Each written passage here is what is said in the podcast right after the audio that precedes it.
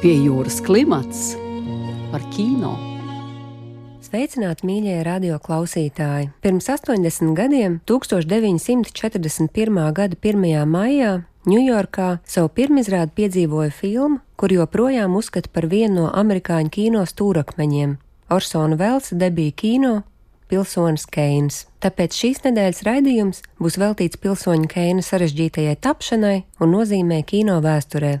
Gal galā Davida Finčera drāmas mankas panākumi ir atkal atjaunojuši interesi par šo hrestomātisko darbu. Slavenais rakstnieks Jorge Luis Borges salīdzina filmu ar labirintu bez izējas, un par pilsoni Keinu raksta šādi. Es riskēšu minēt, ka pilsonis Keins izturēs laika pārbaudi, tāpat kā to iztur konkrēts Griffits vai Pudovkina filmas. Filmas, kur vēsturiskā nozīme ir nenoliedzama, bet kuras neviens nevēlas redzēt vēlreiz. Tā ir pārāk gigantiska, pedantiska un apnicīga. Tā nav inteliģenta, lai arī tas ir ģeniāls darbs, vistumšākajā un vāciskākajā šī sliktā vārda nozīmē. Šim viedoklim var piekrist vai nepiekrist, bet savu vietu kino vēsturē pilsonis Keins ir nopelnījis, no jauna parādoties publiskajā polemikā atkal un atkal. 1956. gadā filmas popularitāti un nozīmīgumu atdzīvināja franču kino kritiķis Andrē Bazēns. 1971. gadā ar savu skandalozo esēju par filmas scenāriju autorību pilsoņu Keina aktualitāti atjaunoja kino kritiķa Polīna Keila bet 2020. gadā šo uzdevumu pilda Davida Finčera biogrāfiskā drāma Manks, kas stāsta par pašdestruktīvo scenāristu Hermanu Džeju Mankeviču. Tikmēr daudziem jauniem režisoriem Orsons Vels ir bijis un būs elks. Gal galā 25 gadu vecumā uzfilmēt labāko filmu pasaulē, tas nav nekāds nieks. Aktieris un režisors Orsons Vels bija iegūst teātra brīnumbērnu slavu ar saviem Viljama Šekspīra lugu iestudējumiem, kā arī skandalozo radioteātra izrādi Pasauļu karš, kas guva milzu panākumus. Tāpēc nav brīnums, ka Holivuda izrādīja savu interesi par Velsu jau kopš 1936. gada. Taču tā kā jauno režisoru interesē tikai teātris, viņš noraidīja trīs studijas Warner Brothers piedāvātus scenārijus, Dēvido Selznika piedāvājumu vadīt viņa kompānijas scenāriju departamentu, kā arī lomu Viljam Vailera filmā Kalnu aukas. Visbeidzot pie darba ķērās studijas RKO Pictures direktors George J. Šēfers, kurš ievilināja Orsonu Velsu ar ekskluzīvu un neredzētu līgumu par divām filmām. Velsam bija jābūt filmas režisoram, producentam, scenārija autoram, aktierim, kā arī viņam tika piešķirtas Final Cut tiesības, kontrole pār filmas gala montāžu. Iespējams, ka Vels nebūtu piekritis pat šim kārdinošajam piedāvājumam, taču viņa pēdējie iestudējumi, Viljams Šekspīra pieci karaļi un Viljams Ārčers zaļā dieviete, bija smagi izgāzušies, un režisoram vajadzēja naudu. Sākotnēji Vels plānoja pavadīt Holivudā vien pāris mēnešus, lai sapelnītu naudu, ar kuru sponsorēt nākamo teātra sezonu, taču kino viņu tomēr ievilināja un nozaga jaunā brīnuma bērna sirdi uz mūžu. Turklāt līdzīgs scenārijs Vels dzīvē atkārtojās atkal un atkal. Turpmākajā karjerā viņš regulāri strādāja kā aktieris pat apšaubāmas kvalitātes filmās, lai pelnītu naudu, ko ieguldīt savos darbos. Līgumā ar RKO bija paredzēts, ka studija ir kontrola tikai pār stāstu izvēli un budžetu. Tā kā pirmās Orsona Vēles idejas netika atbalstītas, ideja par filmu, kas būtu balstīta preses magnāta Viljama Rendolfa Hērsta dzīves stāstā, nāca kā pēdējā mirkļa glābiņš. Džordžs Šēfers šo ideju pieņēma. Pēc pilsoņa Keina iznākšanas sākās jautājumi par scenārija autorību. Orsons Vels savā sarunās ar režisoru Pīteru Bogdanoviču stāsta, ka ideja dzimusi viņam, toties Polīna Keila savā esejā norāda, ka idejas autors ir Hermans Mankevičs, un ideja radusies tieši no paša Vels ugunīgās dabas, kas Mankam atgādinājis viņa labu paziņu - Viljamu Rendolfu Hērstu. Lai vai kāda būtu patiesība, filmas titros ir gan Orsona Vels, gan Hermaņa Mankeviča vārdi. Pie jūras klimats par kino. Orsons Vels parakstīja līgumu ar RKO un pārējā Holivuda smējās par studiju, kā arī uzreiz izrādīja savu nepatiku pret Velsu. Viņš bija svešinieks, kurš atradās ārpus iedibinātās studijas sistēmas un kurš vēlējās visu darīt pa savam. Pat izmantot savus aktierus no Mercury Theatre trupas, jo vēlējās, lai uz ekrāna būtu līdz šim neredzēts sejas. Viena no filmas pirmajām veiksmes atslēgām bija tas, ka operators un gaisma mākslinieks Gregs Tolāns atnāca pie Vels un paziņoja, ka vēlas filmēt pilsonu Keinu. Studija MGM piekrita aizdot savu operatoru. Tolāns bija jau zināms ar to, ka bija attīstījis savu filmēšanas un gaismošanas sistēmu, un viņš tikko bija saņēmis Oskara balvu par darbu pie jau minētās filmas Kalnu aukas. Taču pilsonis Keins bija īpašs gadījums, par kuru arī operators saņēma vēl nepieredzētu atzinību. Kā pats Tolāns ir atzinis, mācīties var tikai no kāda, kurš neko vēl nezina, un tieši tāds bija Orsons Vels.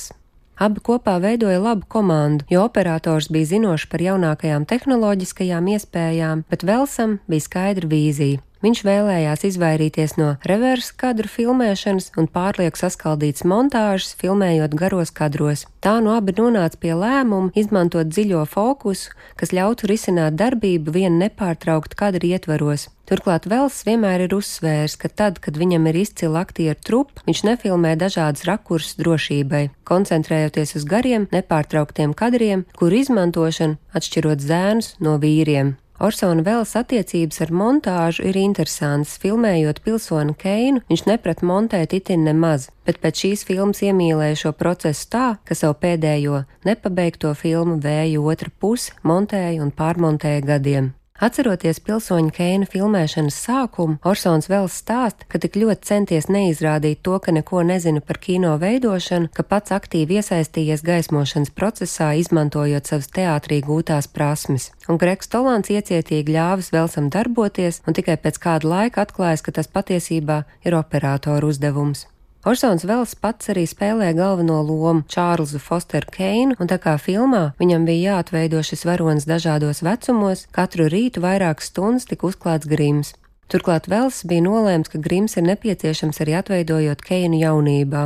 Lai arī Orsons bija tikai 25 gadus vecs, viņš uzskatīja, ka ir pārāk būdīgs, tāpēc valkāja neērtu korseti, kā arī viņš neciet savus apaļos vaigus. Tie filmēšanas vajadzībām tika savākti ar grimu un zivju ādu palīdzību. Man jāatzīst, ka esmu meklējis informāciju par to, kā tieši šis process notika, bet neesmu atradusi atbildi. Tā nu jums nāksies ticēt man un Orsonam Velsam uz vārda.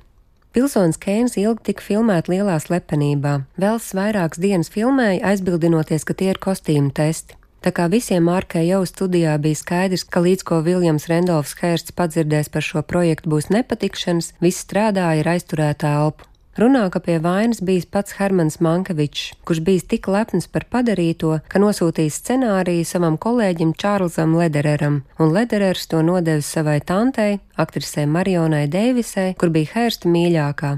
Tā nu ilgi nebija jāgaida, kad Hērsta padotie un draugi uzsāk kampaņu pret pilsoni Keinu. Par spīti visam filmu tomēr tika pabeigta, jo Orsons Vels kā Holivudas outsiders nebaidījās no Hērsta atriebības tik ļoti kā pārējie studiju sistēmas darboņi. Piemēram, studijas MGM galva un tuvs Hērsta draugs Luis B. Meijers ārkējo prezidentam piedāvāja gandrīz 900 tūkstošu dolāru, lai filmas kopija tiktu iznīcināta. Džordžs Šēfers atteicās, bet tā nu filma tika iznīcināta citā veidā.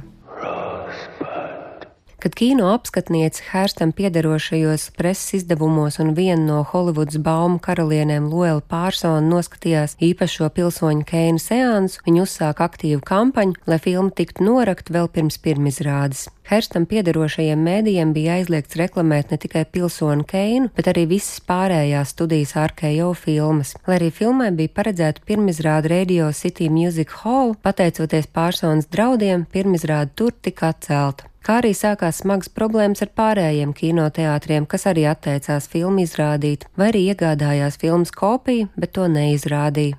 Gala rezultātā pilsonis Keins, kurš saņēma lieliskas kritiķu atsauksmes, varēja tikt izrādīts vien studijai ārkējo piederošajos nedaudzajos kinoteātros.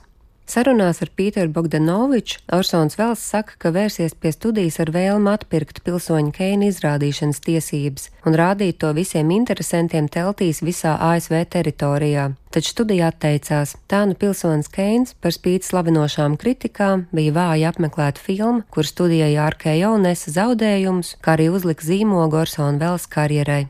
Viņa filmas neienes naudu. Pilsonis Keinis saņēma deviņas Oskara nominācijas, tā skaitā kā labākā filma un arī par labāko režiju. Taču 1942. gada ceremonijā katru reizi, kad esot izskanējis vēls vārds vai filmas nosaukums, atskanējusi būjināšana. Filma saņēma tikai vienu Oskaru par labāko scenāriju un tiek pamatot uzskatīts, ka Holivuda tādā veidā cildināja vienu no savējiem - Hermanu Mankeviču. Šo teoriju labi ilustrē fakts, ka pilsoņu Keina mūzikas autors Bernards Hermans bija nominēts par divām filmām, bet saņēma Oskaru par filmu Viss, ko naudu var nopirkt. Ne Vels, ne Mankevičs ceremoniju neapmeklēja. Holivuda bija uzgriezusi muguru Orsonam Velsam, un viņš nekad vairs neiegūta tādu radošo brīvību, kādu viņš baudīja savā debijas filmā. Viņa nākamais darbs, brīnumainie Ambersona, pēc neapmierinošiem testa seansiem tika pārmontēta bez režisora ziņas, tāpat tika piefilmēts un pārfilmēts vairākas epizodes. Drīz vien Vels devās trimdā uz Eiropu, kur pats meklēja finansējumu saviem projektiem, kā arī turpināja strādāt kā aktieris, lai nopelnīto naudu ieguldītu savās filmās.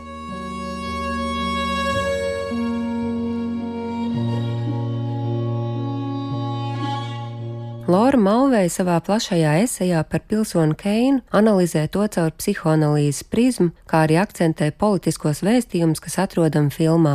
Malvēja atsaucas uz Andrē Bazēnu, kurš norādījis, ka dziļā fokusa izmantojums vēlas filmā to padara par demokrātiskāku un plašāk interpretējamu darbu. Skatītāju uzmanību nevirza fokus un montāža. Varoņa attiecības tiek parādīts ar mizanscēnu palīdzību, un skatītājiem pašam ir jāizdara savu secinājumu par varoņu hierarhiju un arī par ainā notiekošo. Turklāt dziļais fokus palīdzēja arī saglabāt attēlu vienotību telpā un laikā. Pilsoņa Keina attēlam piemīt arī spēcīgs kontrasts, un tas atgādina ziņu fotografijas žurnālos, kuras tajā laikā kļuva arvien populārākas, aizstājot graudainos attēlus, kas bija sastopami avīzēs. Vēl viens svarīgs jaunievedums Holivudas kino, ko ievies pilsonis Keins, bija kas tāds, ko bieži vien nemanām - tie ir griesti.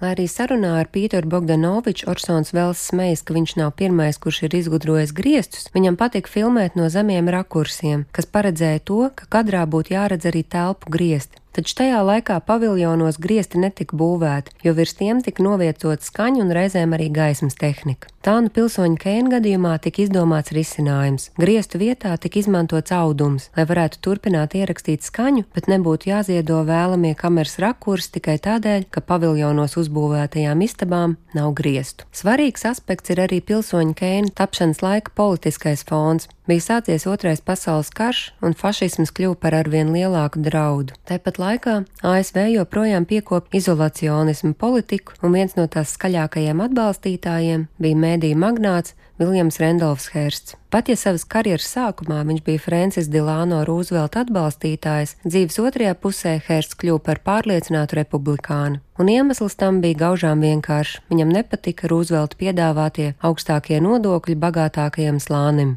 Tādējādi Hersta populisms kalpoja tikai viņa egoistiskajiem mērķiem - pārdot pēc iespējas vairāk savus dzeltenās preses izdevumus. Vai neizklausās pazīstami? Lora Malvei uzsver, ka pilsonis Keins sevi ietver izolacionismu kritiku. Gal galā Čārls Fosters Keins mirst viens pats savā milzīgajā pilī Sanadū, kur viņi ieskauj no Eiropas savastie dārgumi un mākslas objekti. Tāpat svarīgu lomu spēlē arī Orsona Vels antifašistiskie un kreisie uzskati. Gal galā viņa iestudējumā Jūlijas Cēzars, Cēzars tika atveidots kā fašistu līderis. ASV izolacionismu atbalstītāji vēl ilgstoši izlikās, ka Hitlers nav nopietnas drauds, un Viljams Rendolfs Hērsts 1934. gadā viesojoties Eiropā, pat tikās ar Adolfu Hitleru. Tiesa Hērsts pēc tam uzstāja, ka viņš presē ir neprecīzi citēts un nav paudzes atbalstu Hitleram, bet gan ticies ar viņu sava drauga Luisa bija Meijera uzdevumā, lai aizstāvētu ebrejus, kur strādāja Holivudas studiju Eiropas filiālēs. Lai arī kāda būtu patiesība, Sākoties otrajam pasaules karam, Holivuda, nevēloties zaudēt ienesīgo Eiropas tirgu, sāk atlaist ebreju darbiniekus no savām Eiropas filiālēm.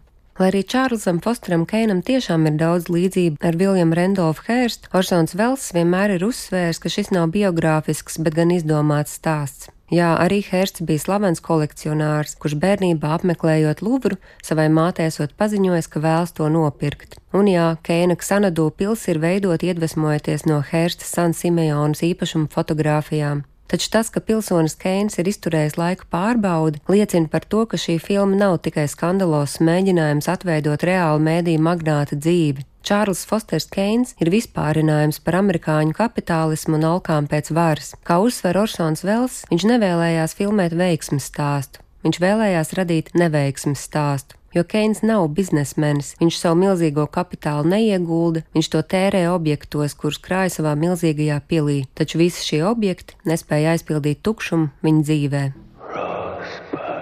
Orsona Vels karjera visu viņa mūžu palika pilsoņa Keina ēnā, un vienmēr tika uzsvērts, ka neviena no viņa nākamajām filmām, pat brīnumainie Ambersona vai ļaunuma pieskāriens, nespēja pārspēt šo grandiozo debiju. Taču nedrīkst piemirst to, ka tikai pilsonī Keinā viņam tika dot pilnīgi radošā brīvība kopā ar studijas nodrošinātu budžetu. Orsona Vels pēdējā filma Vēja otra puse bija viņa mūža nogales lielākais darbs ar kuru viņš centās pārspēt savu nepārspējamo debiju. Taču, diemžēl, 1985. gadā Orsons Vels nomira, tā arī nepabeidzis montēt savu pēdējo meistaru darbu. Šobrīd straumēšanas vietnē Netflix ir pieejama gan dokumentālā filma par Velsu, viņa man mīlēs, kad būšu miris, gan arī pēc viņa nāves pabeigtā vēja otra puse. Taču vai tā ir tieši tāda, kāda to bija iztēlojies Orsons Vels, to mēs neuzzināsim nekad. Taču visticamāk, ka nē, jo citādi viņš jau to būtu pabeidzis.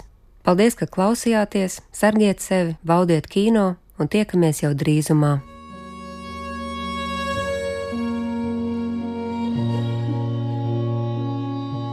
Raidījumu vadīja Martelīna Martinsone, montēja Andra Černievska. Raidījumu piejūras klimats producente Inga Saksona. Raidījums tapis ar valsts kultūra kapitāla fonda finansiālu atbalstu.